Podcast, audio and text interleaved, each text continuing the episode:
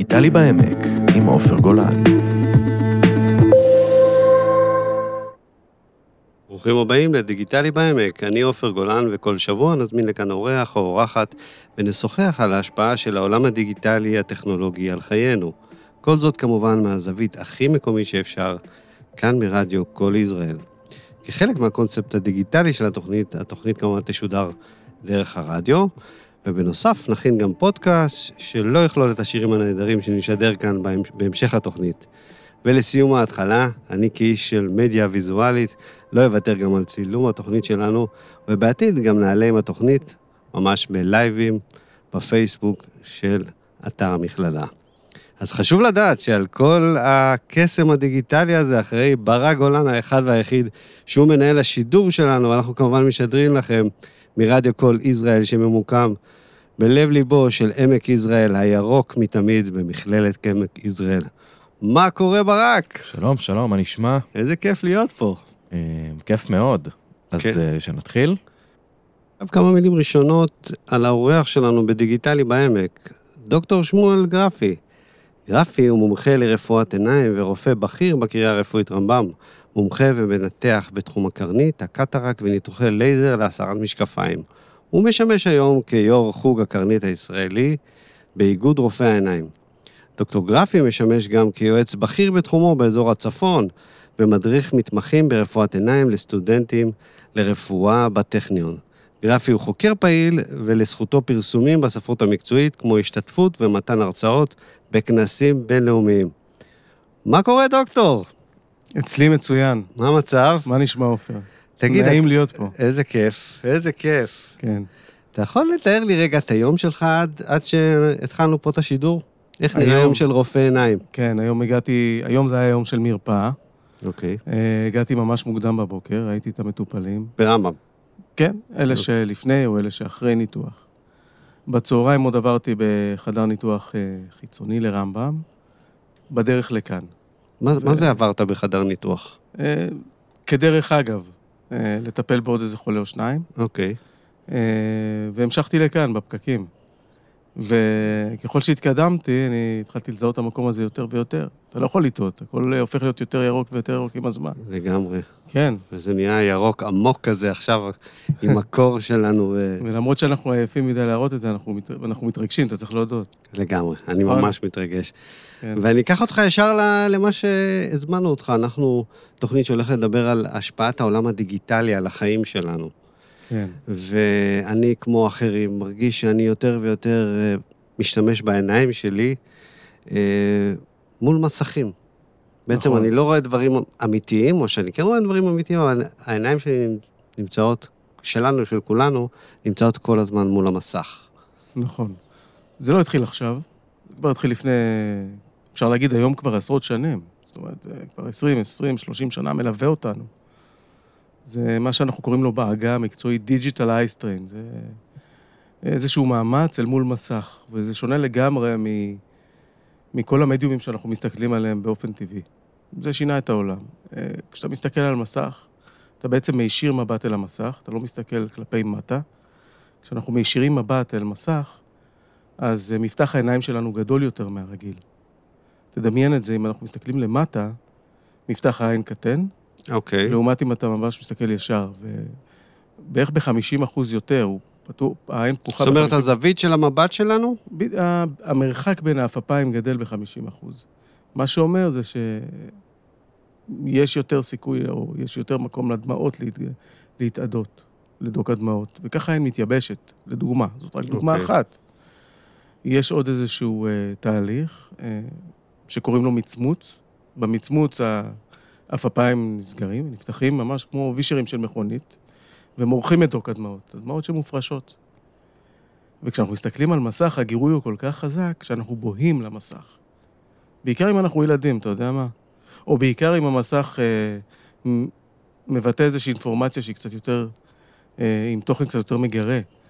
אז זה מונע מאיתנו, או שזה גורם לנו לא למצמץ, וזה אבל- מייבש אבל- עוד יותר אבל התחושה העין. שלי, לתחושה שלי, שזה כן משהו, בש... זאת אומרת, ה- העוצמה של המסכים הולכת וגדלה. זה, זה...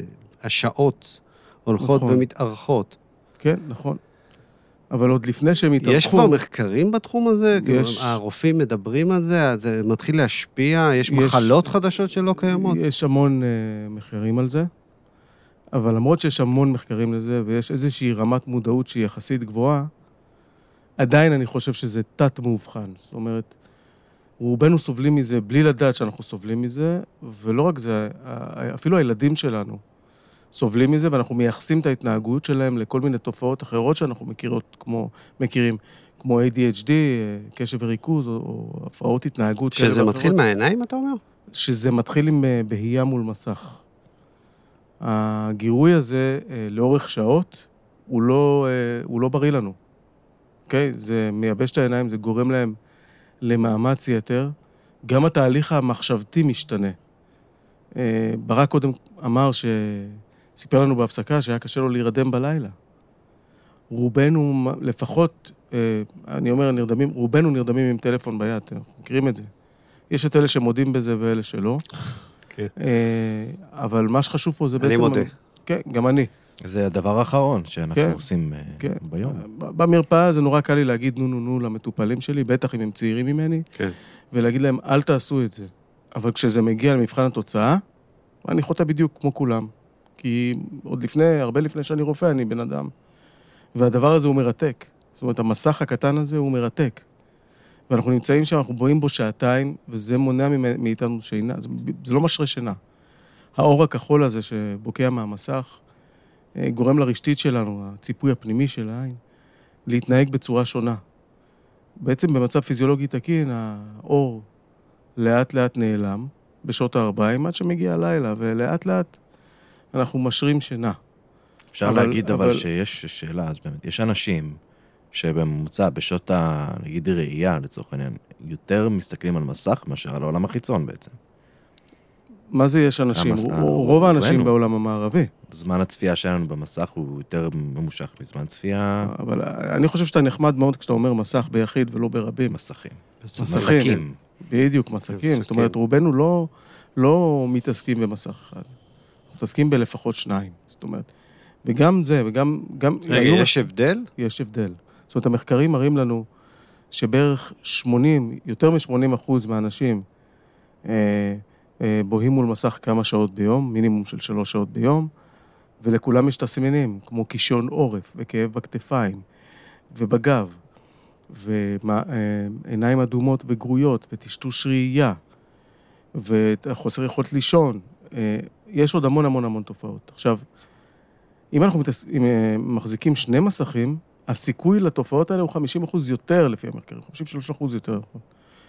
זה מופיע באמריקן אבל. אנחנו מחזיקים... ש- רובנו, יותר- בדיוק. יש גם טלוויזיה? לא, לא דיברנו בדיוק, על טלוויזיה. נדבר על שלושה, זאת אומרת שאם זה בדיוק. לפטופ, אה, מחשב נייח, הטלוויזיה ברקע והטלפון.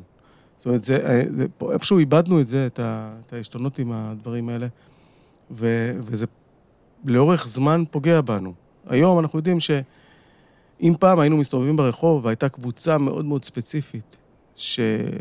שהיינו מזהים כבעלי משקפיים במרכאות, החרדים לדוגמה, כי הם נמצאים וקוראים אה, בחדר כל היום, במרחק אה, די קטן, אה, ובגלל זה מפתחים קוצר ראייה, זה איזשהו גורם סיכון. אז היום אנחנו רואים את התופעה הזאת בעצם בכלל האוכלוסייה. היום ילדים בני 12, כן. אנשים, הילדים האלה שגדלו עם מסכים, מפתחים קוצר ראייה די מוקדם, ובאחוזים גדולים באוכלוסייה. זאת אומרת, זה בא לידי ביטוי, זה לא שזה נעלם מהשטח. עם זאת, עדיין, למרות כל מה שאני אומר, לא ממש מודעים לזה, או לא ממש מתעסקים עם זה, כי נוח לא להתעסק עם זה. אתה רואה, אתה מקבל, אתה רואה הרבה מטופלים ביום. כן. אתה רואה את האוכלוסיית מטופלים הולכת ומשתנה לך מול העיניים, אם אפשר להגיד לרופא עיניים? מול ה... אתה, אתה רואה את זה קורה? לחלוטין. כן? לחלוטין, כן. זאת אומרת, היום כשילדים צעירים מגיעים אליי, בני 10, בני 15, אני כבר מחפש את קוצר הראייה. אני מחפש את העיניים הגרויות, כן? כי הילדים האלה גם כן סובלים כמו מבוגרים. אגב, אה, רוב המבוגרים אה, בכלל לא מודעים למצב הזה. הם חושבים שהילדים שלהם הם הרבה פחות ממה שהם באמת, כי מבעד לדלת הסגורה, הדמיון שלנו עובד אחר לגמרי. זאת אומרת, כשפותחים את הדלת, זה לא אותו ילד אה, עם נורת לילה וספר שמשנן את החומר לקראת כן. מחר. לא, ממש לא. זה ילד שזרוק באלכסון על המיטה, שהלפטופ זרוק בצד ימין והטלפון בצד שמאל, והוא נרדם עם הפנים על, ה... על, ה... על הטלפון השני שיש לו. הוא לפחות נרדם, לא כמו ברק, כן. שלא מצליח להירדם בלילה. שמתאמץ, מתאמץ מאוד. כן. כן. אז הנה, אנחנו בדיגיטלי בעמק. בואו נחזור לפוקוס, בואו ננסה לחזור לפוקוס, אם בכלל אפשר לשמור על פוקוס בע- בעולם דיגיטלי. אה, הקורונה השפיעה עלינו? אה, השפיע לאין ארוך, אה, בכמה מובנים. זאת אומרת, העולם הזה שקרס עלינו, בודד אותנו, גרם לנו להשתמש במסכים עוד הרבה יותר, הרבה יותר שעות ממה שהיינו עד היום. כן. מעבר לזה, זה גרם לנו להשתמש ביותר תרופות, לאכול פחות טוב, לעשות פחות ספורט. יש פה הרבה יותר סטרס, וכשיש סטרס מופרשים חומרים שלא טובים לשום חלק בגוף, בטח לא לעיניים. בעצם השהייה מול המסכים לאורך שעות, אומרת, אם פעם זה היה שש שעות ביום, היום זה כבר הופך להיות שמונה שעות ביום ועשר שעות ביום, ואנחנו צופים שתהיה עוד מגפה. ואין אין. לזה חיסון, כי אם לוקחים את החיסון, אי אפ- אי אפשר לחסן את העיניים. אה, לא, לא, זה- אבל, אבל תדע, טובי המומחים... אה, כן. תדע שיש, אה, מחכה לנו עוד מגפה. זאת אומרת, הייתה, יש לנו את מגפת הקורונה, והולכת לנו אני אני מגפת הבאתי אותך לפה לא לא כדי שתלחיץ אותי, אנחנו אמורים להרגיע. לא, לא. ולהגיד כמה העולם אני- הדיגיטלי הזה לוקח אותנו... אה, לא, אבל באמת אני שואל, אין איזה תרופה לדבר הזה? כאילו, אם אני אקח איזה... אולי יש משקפיים שמסננות את ההשפעה של, ה... אה, של המסך, אפשר... אה, הבעיה הזאת הפכה להיות די ממוסדת. אם אתה נכנס לאתר של האמריקן אקדמי, שזה כן. אה, הכי מפורט אולי שיש, יש שם אפילו אפליקציות. זה נקרא חוק ה-20-20-20. מי שיושב מול מסך צריך כל 20 דקות לעצור ל-20 שניות ולעשות 20 מצמוצים.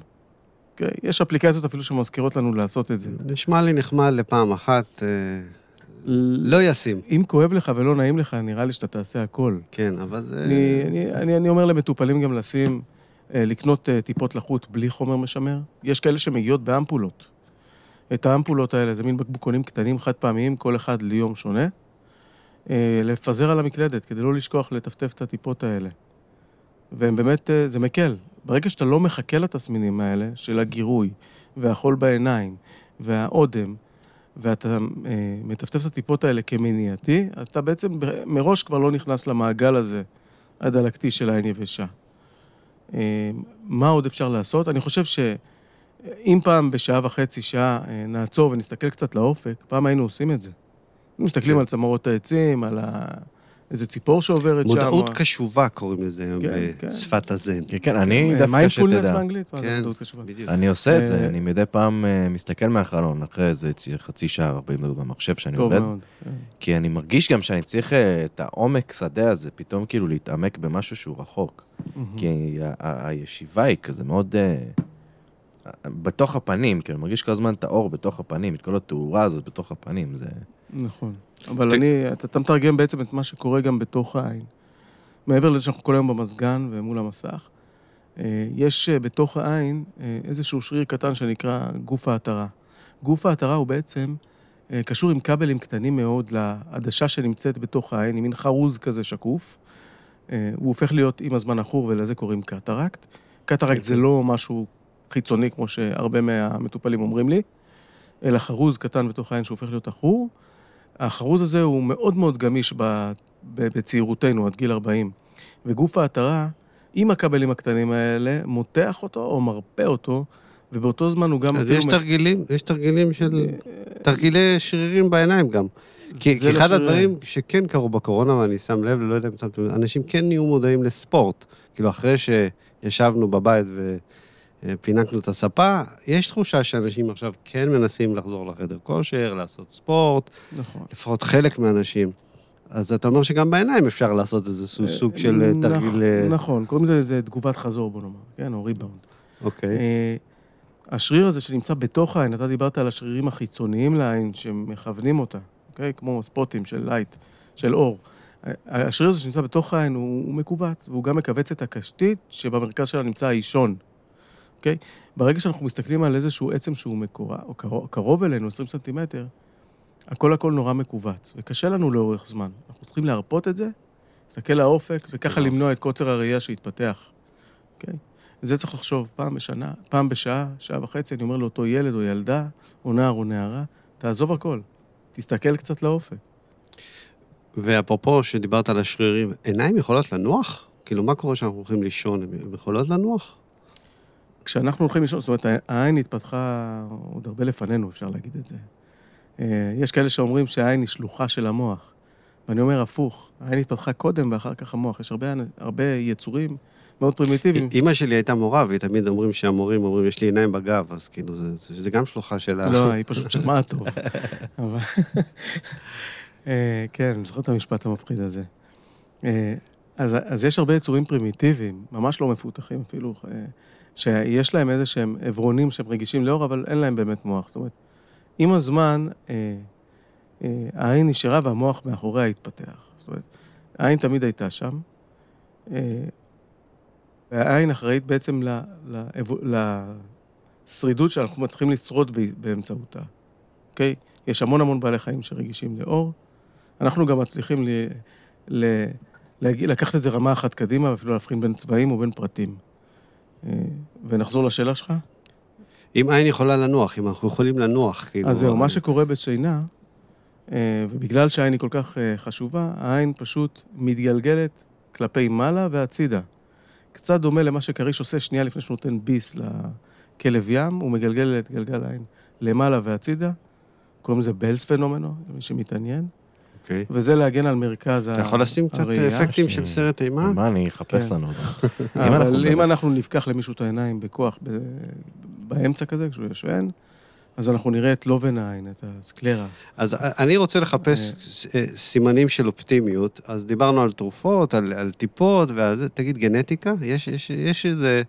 יש... אה, או שאין עוד מחקרים על העניין הזה. גנטיקה יכולה לעזור מול הסבל שלנו מול המסכים? אה, אני חושב יש... שלא, אני חושב שמה שיכול לעזור לנו, ועוזר באמת, זה ההתאמה של הסביבה. אנחנו יכולים, אם אמרתי קודם שעדיף להסתכל על ספר, אה, אפשר למקם את המסך אה, קצת יותר נמוך. והמסכים של הספרים, יש היום כל מיני... זה, זה לא פחות טאבלט. בעייתי בגלל כן? כמות האור שנפלטת מהמסך הזה, ולא רק זה, בעיקר מה שחשוב זה המנח. המנח הוא תחתון, ואז מפתח העין הוא יותר צר.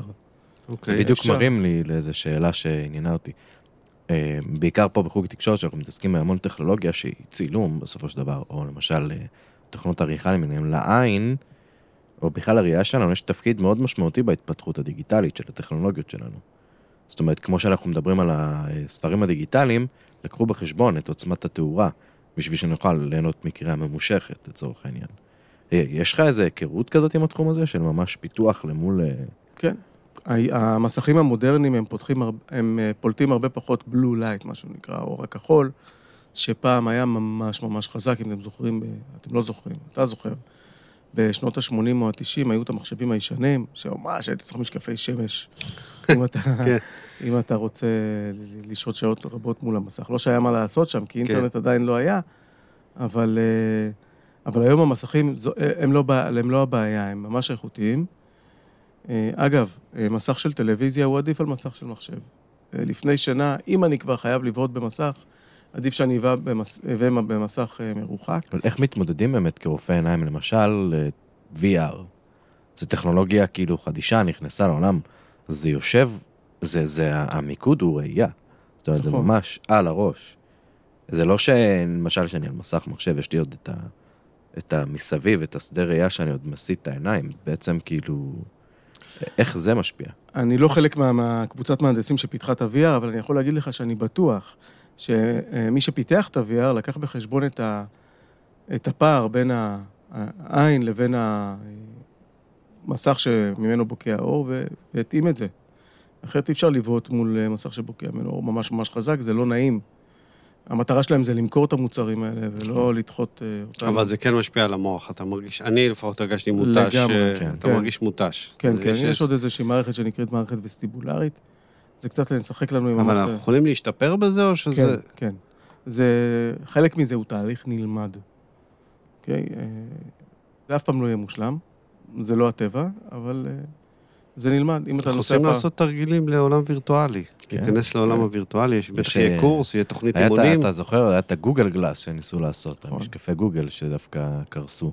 אבל אני חושב שאנחנו חיים פה כבר שתי מיליון שנה כן. בערך, האבולוציה התחילה אז. לעין. מי שמעין. אה, אנחנו לא נדביק בחיים את הפער הזה של בין ההתקדמות הטכנולוגית לבין האבולוציה הטבעית שלנו. זה לוקח הרבה יותר זמן.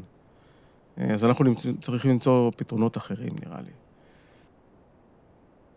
רגע, ברק, אבל איך אני רואה את האופק? איך אני יכול להסתכל על האופק כשאנחנו פה באולפן סגור ומבודד ו... אתה תדמיין אותו בינתיים. אתה יכול להסתכל אה, מחוץ לחלון פה, יש לנו פה חלון באולפן. כן, איפה כל הסטודנטים? כן, יום יום? חמישי, אנחנו עושים פה... אה, יום חמישי יום מתחילות חמישי המסיבות. זה כן. מסיבות, כולם בורחים מהר. במכללה הזאת. קשה להיכנס לכיתות לימוד. אני חשבתי על זה בדרך פה, כי הסתכלתי, זה כל כך יפה בחוץ. האמת נכון, שכן, יש פה- פה... יש פה גינה בכלל, גם היו צריכים. להסיק מסקנות מהקורונה, פשוט לעבור ללמוד בחוץ. זה, הנה, אנחנו מדברים על ראייה. הזום הזה, זה היה נורא, וואו. נורא, נורא, כי וואו. אתה מה, חייב ישבת לשבת. שעות? כן. אוי, אתה חייב לשבת, והרצאה זה לא חצי שעה, הרצאה זה שעה וחצי, שעתיים, שאתה פשוט... שאתה בדרך כלל גם בוהה בנחיריים של אה, כן, מרצה אתה בכיר. מה, על, אה, זה, כן, אני זוכר, הלכתי לטכניון, ל- הקליטו איזושהי הרצאה שלי על קטרקט, ו- וזה לדבר לקהל מדומיין. זה באמת זה נשמע ממש, לי אתה קשה, צריך להיות כן. אה, תום הנקס בשביל זה. אתה יודע, כן. נורא קשה לראות מצלמה ולא להתייחס אליה, ו- או כן להתייחס אליה. הקלטת את זה, כאילו עשית אבל את זה הזום מוקלט. בלייב. כן, מול... זה מוקלט. והסטודנטים מה- שיתפו פעולה, או שזה מסכים שחורים אני לא קטנים? יודע, לא ראיתי אותם מ- מימיי, אבל הם ראו אותי. אה, ניסיתי לעשות את זה כמה שיותר אותנטי, אבל זה מוציא את העוקץ, כן. זה- זה מוציא. זה ניסיתי. קשה, זה קשה, בדיוק כן. הטכנולוגיית למידה מרחוק הזאת. אה, אה, אתם יודעים איזה תחום ברפואה, אה, המניות שלו עלו בגלל הזום?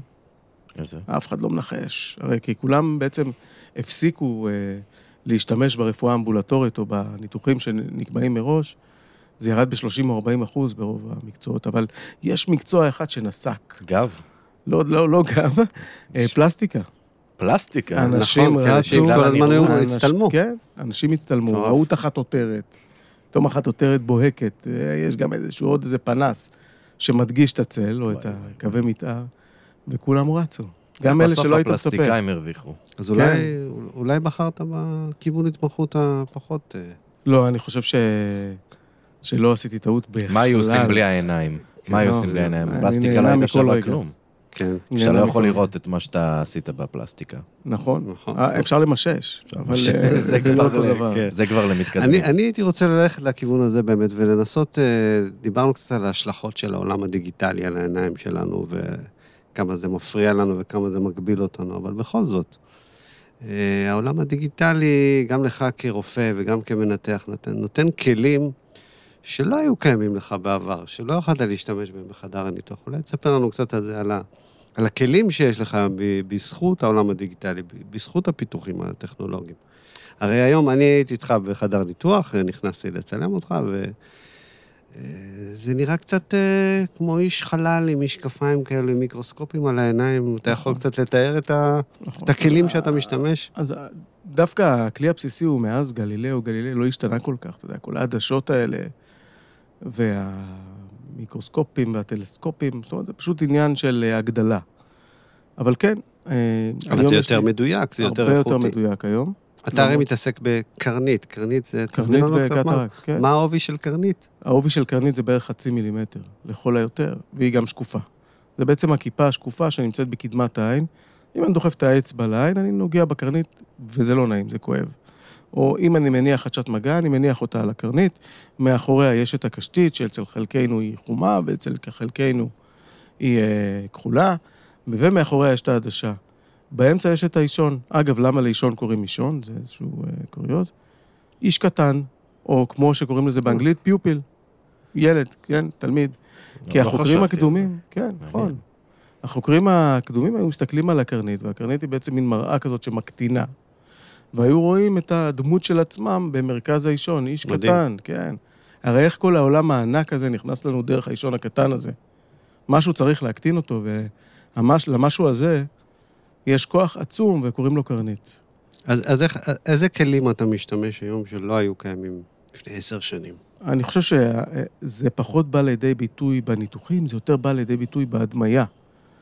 וזה בסופו של דבר, הפועל היוצא זה הבריאות של המטופלים שלנו. למשל, תמיד שואלים אותי אם אה, ניתוחי לייזר להסרת משקפיים זה דבר מסוכן. כל ניתוח הוא דבר מסוכן, אבל אם אנחנו מסתכלים ברמה הסטטיסטית, הדרך לחדר ניתוח באוטו היא יותר מסוכנת, אוקיי? בטח אם מדובר בניתוח להסרת משקפיים. אני עובד בבית חולים גדול, רמב"ם. פעם בחודש לפחות, מישהו מתאשפז בגלל זיהום שנובע מעדשות מגע, וסטטיסטית פעם בשנה מישהו מאבד את האיבר הזה שנקרא עין. אני כבר לא מדבר על לאבד ראייה, אני מדבר על האיבר.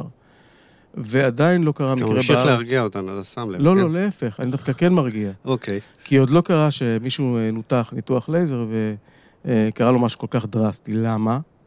זה לא בגלל שאני היום יותר חכם, או יודע לנתח יותר טוב, או יש לי מכשירים אה, שהשתפרו מ-0 ל-100. נכון, הם יותר טובים, יש פחות אנרגיה.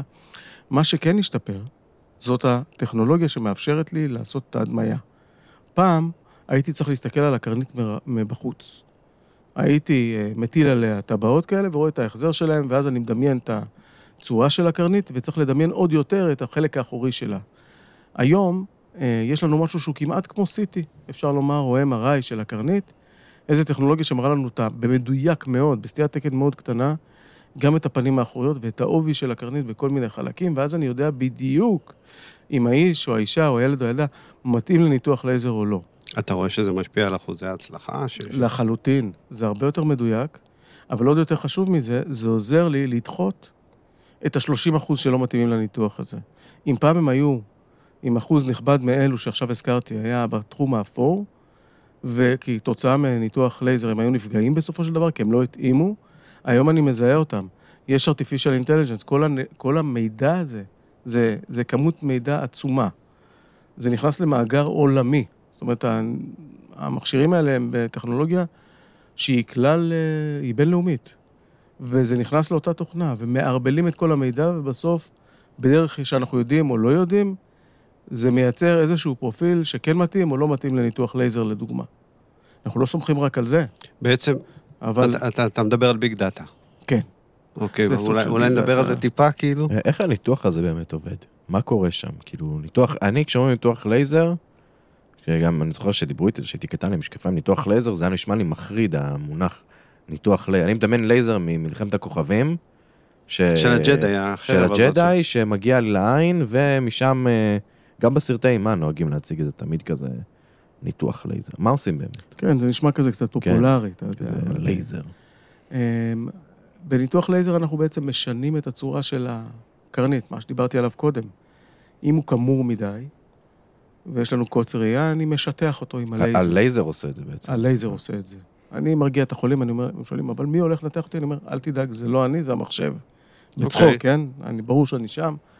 יש את אה, דוקטור לייזר, הוא שם, הוא כן. רופא ידוע בגלל... אבל לא, יש היום eye tracking, יש כל הדברים האלה, כל התנודות הקטנות האלה, מתוקן יפה מאוד. רגע, אני חייב לשאול, עוד 15 שנה, אתה תשב בבית ותנתח מרחוק? זה יכול להגיע לרמה כזאת? אני חושב שלא. כי אה, ברק אמר שזה מאוד מפחיד. בסוף אתה צריך את הבן כמו, אדם. כמו השאלה שהייתה על תעופה למשל. אני, אני, כן, היום יש לנו מטוסים מסחריים שיכולים לט- לטוס ללא טייס. גם נכון. רכבים. גם רכבים אוטונומיים. זה לא קורה, כי תמיד יש את הצורך במגע האנושי, שיש לידך מישהו נכון. ששומר עליך. נכון. גם בואינג ענק, מלא נוסעים, בסוף נוחת עם המחשב. בדיוק. כי תמיד שואלים את הטייסים, למה... אתם לא עושים כלום, למה אנחנו בכלל משלמים לכם? אז הטייסים, מה הם עונים? אומרים, אתם לא משלמים לנו בשביל מה שאנחנו עושים, אנחנו, אתם משלמים לנו בשביל מה שאנחנו יודעים. בדיוק. אז זה משהו כזה. אבל השיח הזה של רכבים אוטונומיים, הוא נכנס, הוא נכנס נכון. גם לישראל, כן. אי אפשר להתעלם מזה. כי אנחנו... כן, ולכן שאלתי גם על חדר הניתוחים. זה נכון. כלומר, אה, יש היום מין איזה מין רובוטים כאלה שיכולים לאפשר לך אה, לנתח ב, אה, בצורה היברידית, בוא נאמר. כלומר, אם זה למשל נמצא בארצות הברית, אז אני, המנתח שלי הוא מהודו, שם אמצע היום, אני בכלל לא עייף, וכיף לי וטוב לי, וחדר הניתוח בארצות הברית בשעה שתיים בלילה פנוי. אז כולם מרוויחים מזה. נכון. אתה תוכל להזמין ניתוח באלי אקספרס, אה, ברק. אבל כן, אין תחליף, אין. אין תחליף ליד על הכתף, ל, ל, לבחור או בחורה צעירים ש, שנכנסים לחדר ניתוח, ו, ואני עוד לא ראיתי אחד, אחד שלא מפחד או לא חרד. זה מפחיד. נכון. כן. כן. אה, חד משמעית. הדבר האחרון שאני יכול להגיד להם זה אין לך מה גם, לפחד. גם בניתוח עיניים אתה לא יכול לעצום את העיניים כשאתה מפחד, זה בעיה. נכון. בכלל. האיבר הזה, העין, זה ה...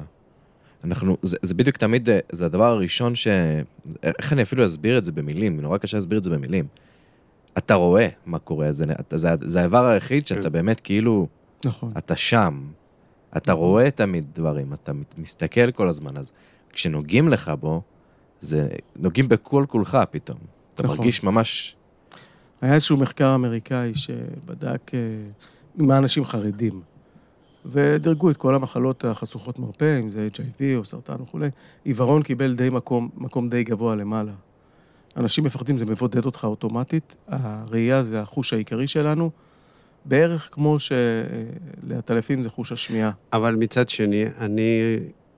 היום פיתחו גם משקפיים, ואנשים, אני שומע סיפורים, תגידי, זה רק סיפורים... אה, בזכות הטכנולוגיה יש אנשים עיוורים היום, או אנשים שעם ראייה מאוד מאוד מוגבלת, נכון. שיכולים כן לחזור לראות או להגדיל את... אה, אתה יכול כן. לספר לנו משהו על ה... אז אה, הייתי מחלק את העין לשניים. החלק האופטי, או השקוף, שזה הקרנית והעדשה, ויש את החלק העצבי, שזה הרשתית, שזה מה שמחובר ישירות למוח. את החלק האופטי אפשר להחליף. אם אני עושה, כמו שאני עושה השתלות קרנית, אני מחליף את הווטרינה, במרכאות, או מחליף את העדשה אם יש בה קטרקט. זה איפשהו טכני או הנדסי ודי קל לביצוע מהבחינה התיאורטית.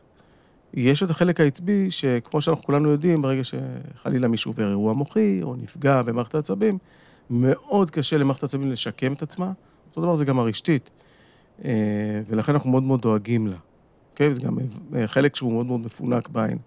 אבל זה נכון מה שאתה אומר, יש היום כבר, למחלות שהן חשוכות מרפא אה, של הרשתית, יש אה, איזושהי רשתית מלאכותית, שהיא לא מביאה לראייה, אבל אתה בכל זאת, היא מביאה אותך לאיזשהו מצב של עצמאות, כדי לא להיתקע בדברים.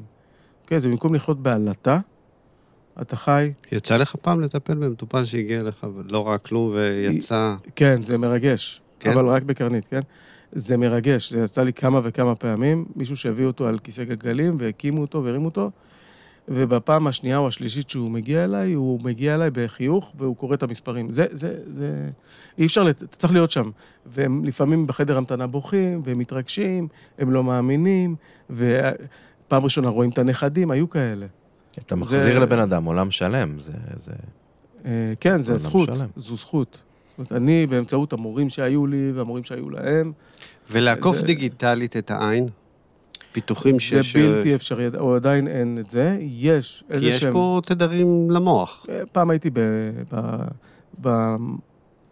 בעבודת מחקר שלי הייתי במכון ויצמן בנוירוביולוגיה, והתעסקתי עם איזשהו מכשיר שנקרא, מכשיר שמבוסס על התמרה חושית, אה, שמעביר את העולם החיצון דרך מצלמה לקצות האצבעות, אה, ובעצם מה שנוגע בקצות האצבעות זה כל מיני פינים קטנים שהם קווי המתאר של העצבים שנמצאים מול המסכה, מול המצלמה. זה אולי איפה שהגענו, עדיין אנחנו לא הגענו לממש ראייה. אבל אנחנו כן יכולים להפוך את הראייה, או להרגיש את הראייה דרך חוש המישוש, למשל, מה שאני עשיתי, או יש פרויקטים אחרים דרך השמיעה בתדרים מסוימים, כמו דולפינים נגיד, אוקיי? אה, אבל. עוד לא הגענו, עוד לא הגענו להעביר את זה ממש לקליפת המוח ולייצר תמונה, זהו, זה- אנחנו עוד לא שם. איזה שיחה מרתקת בדיגיטלי בעמק, ואנחנו רוצים עכשיו לדבר קצת על רפואה בכלל. אה, על רפואה ו- ועולם דיגיטלי. תגיד לי, אתה, אתה גם מרצה אה, מול סטודנטים, דיברנו מקודם שהרצית גם בזום, אבל אתה גם אתה פוגש אותם אה, ביום-יום. הרופאים של מחר, זה כמו הרופאים של היום, או שגדל פה רופאים, רופאים אחרים בעצם, שחיים, שצמחו בעולם דיגיטלי, בעולם של רשתות חברתיות, בעולם של דוקטור גוגל.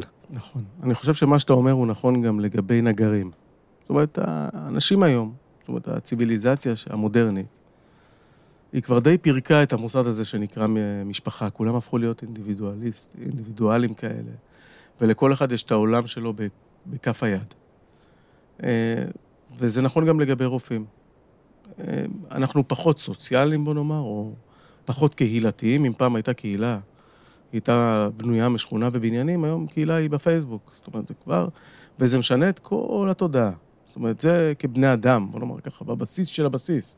אוקיי. זה אחד. שתיים, הכמות מידע הזאת שיש לנו ממש פה, מתחת ליד, היא, היא מדהימה. זאת אומרת, אם אתה הולך לספרייה הכי גדולה בעולם, שנמצאת באנגליה, ואתה שם את היד בדיוק באמצע של הספרים שהתחילו לפני אה, אלף שנה ועד היום, אתה נופל על שנת 2010. זה האמצע. אתה מבין? כלומר, כל מה שמ-2010 והלאה, הוא בערך חצי ממה שהיה עד אז. אבל אתה בלימודי אז- רפואה שלך, ואתה סיפרת לי קצת, כן, אתה ישבת כן. עם ספרים, אין ספור ספרים, אתה נכון. בילית בספריות. נכון. זה הילעלתי קצת- בדפים. הלעלת בדפים, זה כן. קצת אה, מרגיש אה, שזה אה, עולם שהולך ו- ונגמר. אין, אין את הריח הזה. ולמה בעצם, של למה ה- בעצם סטודנט לרפואה צריך לבלות שבע? ש... האם- האם המסלול יהיה אותו מסלול? האם הרופא יהיה אותו רופא? האם זה טוב? אני חושב שבסופו של דבר זה טוב, כי יש לנו יותר מידע. הרופא שלומד, אה, יש לו יותר מידע יותר נגיש, הוא לא צריך לזכור כל כך הרבה. כמות המידע שיש לנו היום היא אינסופית, לא משנה באיזה מקצוע. אם פעם רופא... המידע הזמין.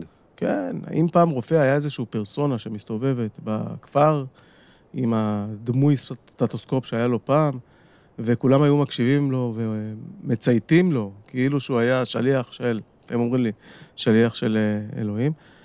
אז היום זה כבר לא ככה. זאת אומרת, אה, היום ה- הרופא הוא לא אדון, אוקיי? הוא אה, חלק מהעם, וזה טוב. כי אותו מטופל שמגיע, אותו מטופל מודרני, כבר מגיע עם כמות מידע, הוא כבר קרא בגוגל וראה סרטונים ביוטיוב ובפייסבוק, וקיבל חוות דעת מאלה ומאלה, מאוסטרליה ומהודו ומפקיסטן, בסדר?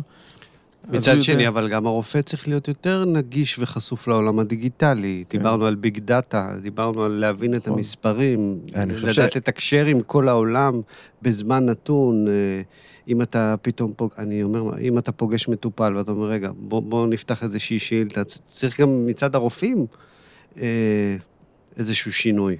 נכון. אני חושב שהרופא, בוא נגיד, אם אני דור ביניים, ה- הקופצה הזאת ששומרת על האגו די נסדקה. זאת אומרת, אני, אין לי בעיה להגיד היום שאני פשוט לא יודע. בשום, עדיף לי להגיד שאני לא יודע, לא קרה שום דבר, אני לא יכול לדעת הכל. העניין היום גם אה. שמדברים הרבה על, על הטיפול. הטיפול כאילו יותר חשוב היום, אה, אם פעם נגיד הייתה תחושה שכזה, גם יש איזה סרט מצחיק של רובין וויליאמס, מי שמכיר, אבל הטיפול הוא יותר מלווה את המטופל, הוא פחות כזה, קח מרשם, לך הביתה. גם אם אתה נותן היום מרשם, לצורך העניין, אתה, ההגשה של המרשם, השיח עם, אני מניח, השיח עם המטופל הוא הרבה יותר אישי. הוא גם הרבה יותר מותאם לדור באמת שיש לו מבחר רופאים ומבחר אה, דיגיטלי שיכול היום להיכנס לגוגל ולקרוא על התרופה. אני חולק עליך. חולק. אני חולק עליך. אני חושב שאם פעם היינו מגיעים לרופא ושהיה בודק אותנו מכף רגל ועד ראש והיה יודע לראות את כל התבנית הקלינית, אוקיי? היום כולם הפכו להיות ממש ממש צרים, בפריזמה נורא צרה, ולא תמיד, אני אומר, אני מתעסק רק בקרנית, אני מתעסק רק בקטרקט, רשתית אני לא כל כך יודע לבדוק, תלך לרופא רשתית, תלך לרופא שמתעסק בזה. ואם פעם היה רופא עיניים שמסתכל על הכל, היום זה הופך להיות קצת יותר צר, אוקיי? ברפואת עיניים המצב הוא די טוב. ברפואה פנימית זה הפך להיות הרבה יותר גרוע. כלומר, היום קרדיולוג הוא קרדיולוג, ונפרולוג של הכליות הוא, הוא נפרולוג, ואז בסוף מה שיוצא זה שאנשים שמסתובבים בפנימית, או הרופאים שמסתובבים בפנימית, לא מטפלים בשמנת המקצועית, במרכאות, אלא מטפלים על במה שנשאר. וזה חבל, כי זה מוריד את רמת הטיפול. עכשיו, אה, לגבי מה שאמרת, מבחינה אישית, אתה דיברת קצת יותר על, אה, על שיווק. כלומר, יש יותר היצע, וכולי וכולי. אני חושב שזה לא משנה. כי בסוף בסוף, עם כל כמות המידע הזאת, אתה צריך מישהו שיקח אותך ביד ויגיד לך, תשמע, זה טפל וזה עיקר. לזה תשים לב ולזה אל תשים לב, ומפה מדבר הניסיון, ולזה אין המומחיות. תחליף. כן, כן, כן, כן. אין- האיש, אין תחליף. האיש או האישה, דרך אגב, היום יש אה, כמעט מחצית הם הרופאות, אני גאה להגיד את זה. יש לי שתי בנות, ואני אומר להם, הנה, חצי מהמנהלות מחלקה של עיניים הם אה, נשים. נהדר. והיום, אני חושב שהפכנו להיות הרבה פחות אישיים דווקא. היה איזשהו מחקר שהתפרסם לפני כמה שנים, אה, בעיתון הכי יוקרתי ברפואה, ושם כתוב ש-75% מהזמן שאני מתעסק עם מטופל זה בכלל לא איתו. אני מתעסק עם הרשומות, ואני מתעסק עם, המס, עם המחשב, ואני מתעסק עם אה, מה אני אומר להוא, ואיך לגונן על עצמי משפטית וכולי וכולי. נשאר לו 25%. אם פעם היה לו 95%, ו-5% היה אה, השרבוט הבלתי מובן הזה של רופאים מפעם. אז כן, משהו קרה, וזה לאו דווקא... ואני חושב שלא לטובה דווקא בהיבט הזה. כן, אה, אבל אני בכל- מניח שזה ישתנה. בכל זאת, ה... אני חוזר ל- לעידן הדיגיטלי ול... ולרופאים של המחר, אה, ומחפש כן סימנים של אופטימיות. אה, כל הנושא של second opinion, דעה נוספת שאתה מגיע לרופא, וזה היום בעצם בעולם של הביג דאטה. בעצם הרופא יכול לרכז לך את ה... אם, אם הוא יהיה כאילו נפשית, או שהוא יראה את המקצוע שלו כ- כאחרת, אפשר להגדיר היום את מקצוע הרפואה גם כמשהו שמשתנה, כמשהו שאמור להתפתח. אה, הוא משתנה ומתפתח כל הזמן. אני חושב שהוא אחד המקצועות שמשתנים ומתפתחים כל הזמן, מאז שהוא בעצם... מאז שעוד היינו צייתים לקטים וכתפנו צמחי מרפא. זה כל הזמן משתנה, מחודש לחודש, משבוע לשבוע. אה, מהבחינה הזאת הוא מאוד דינמי. אה, אני די אופטימי, כי אני חושב שמתישהו אנחנו נגיע לרוויה דיגיטלית, אם אפשר להגיד, אם יש, אם יש מושג כזה, אנחנו נבין מה הטפל ומה העיקר, אנחנו נייעל את עצמנו. במקום שאני אדפיס את עצמי, תהיה איזושהי מדונה, איזושהי, איזשהו מיקרופון שמקליט מה שאני אומר, ולוקח את הקול שלי ומדפיס, ו, ומקליד אותו, ואני חושב שבעניין הזה אני די אופטימי. אנחנו נחזור. אוקיי, okay, דוקטור uh, שמואל גרפי, הנה, אמרתי זה נכון. Uh, משפט אחד לסיום, איך היית רוצ... מה היית רוצה שהעולם הדיגיטלי הזה ייתן לך? אני חושב שאני הייתי רוצה שהוא ייתן לי ביטחון.